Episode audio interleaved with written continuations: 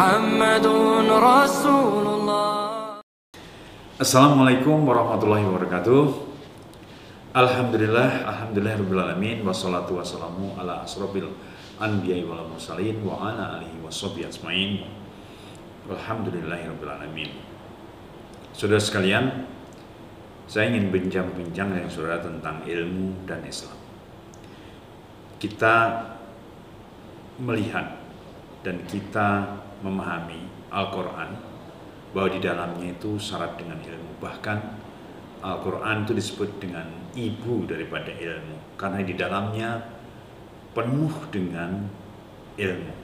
Baik ilmu sosial, ilmu eh, ekonomi, ilmu teknik, ilmu falak, dan ilmu-ilmu yang lain syarat sekali. Allah SWT luar biasa memanjakan bagi manusia dan umat Islam semuanya tentang tantangan-tantangan keilmuan yang ditemukan di dalam Al-Quran. Ini semua menandakan bahwa saudara sekalian bahwa umat Islam dan manusia ini membutuhkan ilmu di dalam mengarungi kehidupan dari dulu, sekarang sampai ke depan.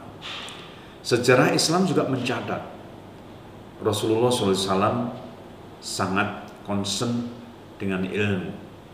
Contohnya, para tawanan perang itu dia akan dibebaskan dengan jalan memberikan ilmu kepada orang-orang atau mengajar, mengajar menulis, mengajar apa pun yang mereka bisa, kemudian dia dibebaskan. Dan masih banyak contoh-contoh lain di mana ilmu pengetahuan itu menjadi bagian yang sangat penting di dalam Islam. Para ilmuwan Islam pada abad-abad pertengahan sudah sekalian juga sangat luar biasa. Ibnu Khaldun, Ibnu Arabi, Avicenna dan sebagainya adalah tokoh-tokoh ilmu pada abad-abad itu yang luar biasa karya-karyanya baik berupa tulisan maupun berupa karya real penyelesaian masalah di lapangan. Oleh karena itu, saudara sekalian, ilmu itu tidak bisa kita tinggalkan harus terus kita kejar kita kembangkan penelitian-penelitian kita galakkan pencermatan-pencermatan terhadap sesuatu kita lakukan seluruh zat yang ada di muka bumi ini maupun di langit harus kita eksplor kita jelaskan fenomenanya karena itu semuanya bagian penting dari perjalanan kehidupan manusia ini. Allah mengatakan dalam salah satu surat dalam Al-Quran bahwa ilmu Allah itu sangat luas. Meskipun kita ambil itu lautan sebagai tinta dan kita tuliskan ilmu Allah itu tidak akan mencukupi seluruh tinta itu meskipun ditambah lagi sepanjang sebanyak lautan tadi. Oleh karena itu, ilmu itu sangat banyak. Oleh karena itu, pengembangan ilmu itu harus terus didukung, terus dilakukan dengan tujuan untuk kemaslahatan seluruh umat manusia, kemaslahatan seluruh lingkungan hidup, flora, fauna, baik di dunia ini maupun di angkasa yang merupakan bagian tugas kita sebagai khalifatil art di muka bumi ini. Sudah sekalian, ilmu saya adalah sumber daya air. Dua hal yang saya pelajari di sini adalah mengenai sungai dan hujan. Ternyata sungai ini disebut berkali-kali oleh Allah SWT, baik sungai di surga maupun sungai di dunia. Di dalam Al-Quran ada 27 ayat surat yang mencitir tentang sungai dan tentu saja lebih daripada 27 ayat yang menjelaskan karena dalam satu surat mungkin ada 2, 3 sampai 5 ayat tentang sungai. Sedangkan hujan disebut 30 kali. Bukan 30 kali, disebut dalam 30 ayat surat. Sehingga mungkin juga lebih daripada 30 ayat. Bagaimana dengan sungai Saudara sekalian? Saudara sekalian kalau sungai itu adalah satu uh, entitas di muka bumi ini yang oleh Allah digambarkan juga sebagai elemen yang ada di surga. Bahkan selalu kata-kata surga itu diikuti dengan sungai-sungai yang mengalir di dalamnya. Tentu saja sungai di surga itu airnya jernih, tidak pernah banjir bandang, membuat orang suka melihatnya, menenteramkan hati. Nah itu bagi saya sebagai ilmu, ilmuwan yang e, mempelajari sungai sangat tertarik untuk terus-menerus meneliti tentang sungai, baik itu morfologinya, ya, liku-likunya, juga ekologinya yang hidup di sepanjang sungai itu, baik di dasar sungai maupun di sempadan sungai, floranya, faunanya, keterkaitan sungai dengan drainase, keterkaitan sungai dengan banjir, keterkaitan sungai dengan air tanah. Ya. Dan itu penggerak utamanya bagi saya adalah ayat-ayat dalam Al-Quran tentang sungai. Jadi ada keterkaitan antara ilmu yang sedang saya pelajari dan saya sampaikan pada teman-teman semuanya dengan ayat-ayat Al-Quran. Itu membuat saya lebih bersemangat untuk terus-menerus mengembangkan itu. Terus-menerus membuka fenomena itu sehingga fenomena sungai akan kita pelajari, kita buka, kita ketahui rahasianya ya dari hal yang kecil sampai ke hal yang besar. Ya. Saudara sekalian, beberapa hal yang perlu saya, saya sampaikan pada saudara sekalian tentang sungai ini. Sungai itu dia dari atas relatif lurus, tapi kemudian dia berkelok-kelok dan sampailah dia di muara. Sungai itu bukan sebuah drainase alamiah saja, tapi sebetulnya sungai itu konservasi. Allah menciptakan sungai itu untuk mengkonserv alam ini. Dengan adanya sungai, sudah sekalian, maka aliran air itu menjadi lambat. Tidak makin cepat, tapi lambat sampai di laut. Dia harus berkelok-kelok dulu. Ada kesempatan meresap, ada kesempatan menggenang, dan seterusnya. Dengan adanya sungai, maka merupakan tempat yang bagus untuk flora fauna hidup di situ.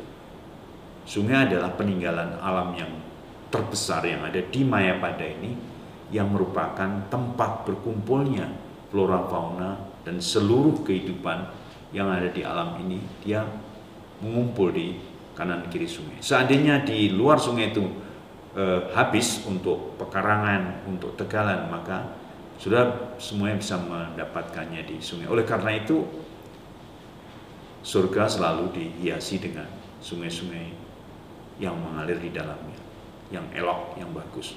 Namun situasi sekarang sudah sekalian, karena orang tidak menyadari mungkin bahwa sungai itu disebut Allah berkali-kali di dalam Al-Quran, dan itu ada kaitannya dengan apa yang ada di dunia ini, maka sungai kita menjadi kotor. Bangsa kita yang 80% lebih beragama Islam, tidak lagi memperhatikan sungai itu sungai menjadi tempat buangan limbah, buangan sampah, sungai ditutup, sungai dipindah, sungai dijadikan gorong-gorong, dan lain sebagainya. Sungai tidak dikelola sebagaimana mestinya sungai itu. Ini yang menyebabkan uh, beberapa uh, malapetaka yang kita terima.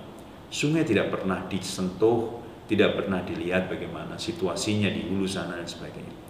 Oleh karena itu, sudah sekalian, berawal dari nas-nas dalam Al-Quran bahwa sungai itu sangat penting di dunia dan di akhirat, maka kita semuanya terdorong untuk mempelajari sungai secara tuntas dan menciptakan sungai di dunia ini seperti sungai di surga. Ya, sehingga kita bisa naik ke surga karena sungai-sungai kita bersih dan kebersihan itu bagian daripada iman. Kemudian saudara sekalian yang kedua mengenai air hujan. Kenapa menjadi penting saudara sekalian? Tadi saya sampaikan surat dalam Al-Quran ada 30 surat tentang air hujan. Ya, 30 surat dan di dalamnya lebih daripada 30 ayat tentang air hujan. Dan air hujan itu merupakan air suci yang mensucikan dalam strata air untuk berwudu misalnya air hujan itu nomor satu. Kalau ada air hujan, wudu pakai air hujan. Baru air-air yang lain karena air hujan itu air yang puring. Dari penelitian pun demikian, air hujan itu mempunyai kandungan yang purin 20 sampai 50 kali lebih purin daripada lebih bersih daripada air-air biasa. Kandungan mineralnya sangat minim, kandungan-kandungan eh, organiknya juga sangat minim. Dia adalah air distilasi air laut yang diarak oleh awan ke daratan kemudian diturunkan menjadi hujan. Dan air hujan itu juga menyuburkan tanaman bukan karena voluminanya tapi karena molekulnya ya karena kebersihannya juga bisa meningkatkan eh, hasil peternakan, perikanan, juga untuk air minum dan lain sebagainya dan bahkan untuk kesehatan masyarakat. Jadi ilmu tentang hujan yang bersumber dari Al-Quran tadi yang disebut secara eksplisit bahwa air hujan itu bisa digunakan untuk air minum, menyuburkan tanaman, dan lain sebagainya, itu kemudian kita teliti. Apakah benar itu? Nah, ternyata memang luar biasa.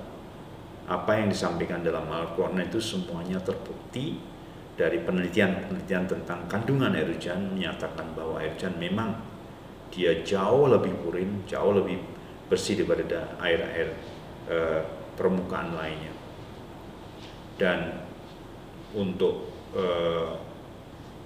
upaya-upaya kesejahteraan masyarakat bisa dilakukan misalnya untuk perikanan, ya, perkebunan, pertanian, kesehatan, air minum itu sangat luar biasa.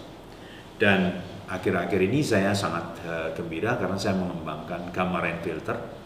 Itu sebuah alat yang digunakan untuk memanen air hujan dan memanfaatkannya untuk kebutuhan sehari-hari, ya mandi, cuci, uh, minum dan sebagainya.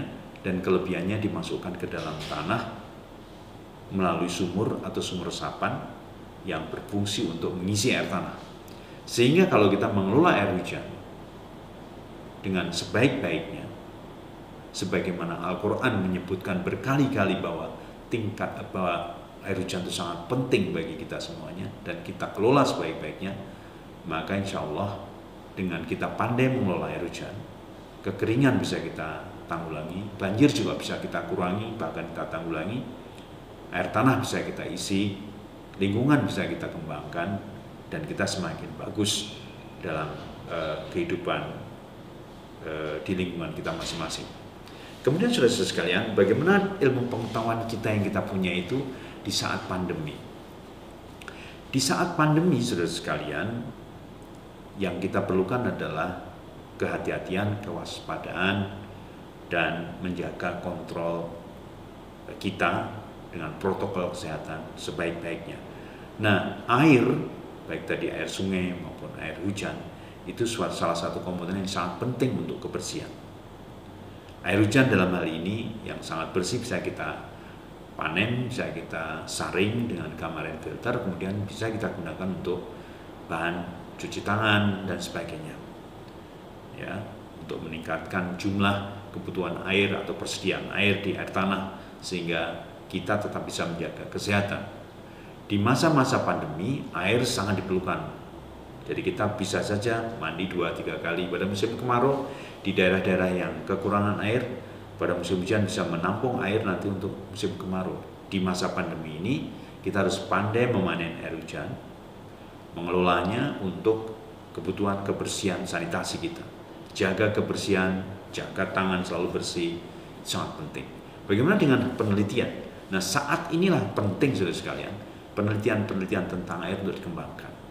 Sekarang sedang kita sedang meneliti uh, air hujan yang kita turunkan pH-nya menjadi pH 2 sampai 4 yang bisa digunakan untuk uh, hand sanitizer, bisa kita gunakan juga untuk disinfektan, sterilisasi.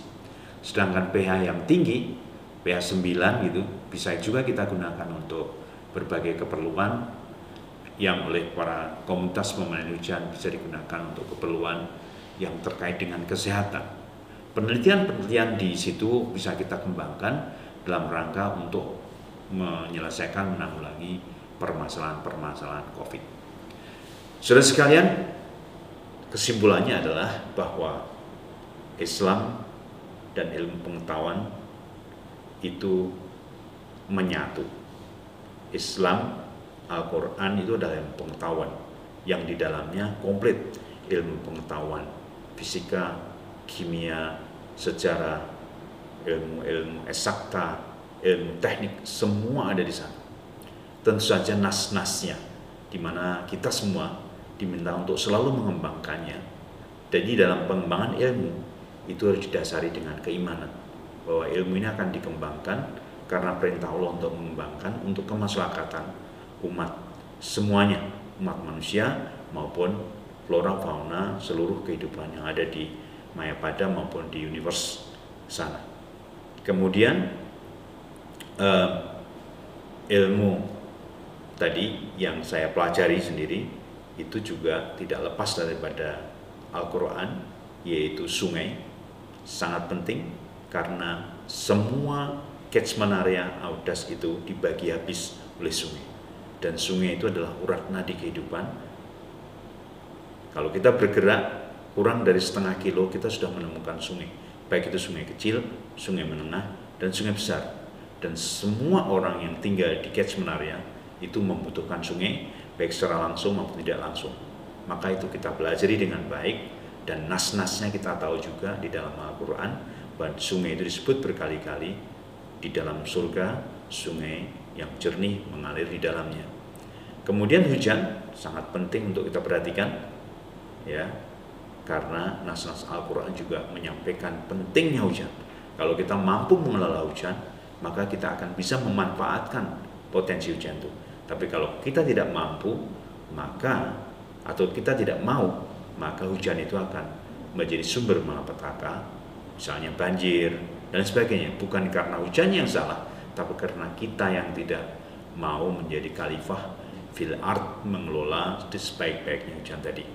Saudara sekalian demikian yang bisa saya sampaikan pada acara bincang-bincang ini Mudah-mudahan itu membuat kita tergerak untuk selalu meningkatkan ilmu kita bersama-sama untuk kemaslahatan semua umat manusia dan semua makhluk hidup flora fauna di dunia maupun di alam raya ini. Sekian, bila taufik walidayah. Assalamualaikum warahmatullahi wabarakatuh.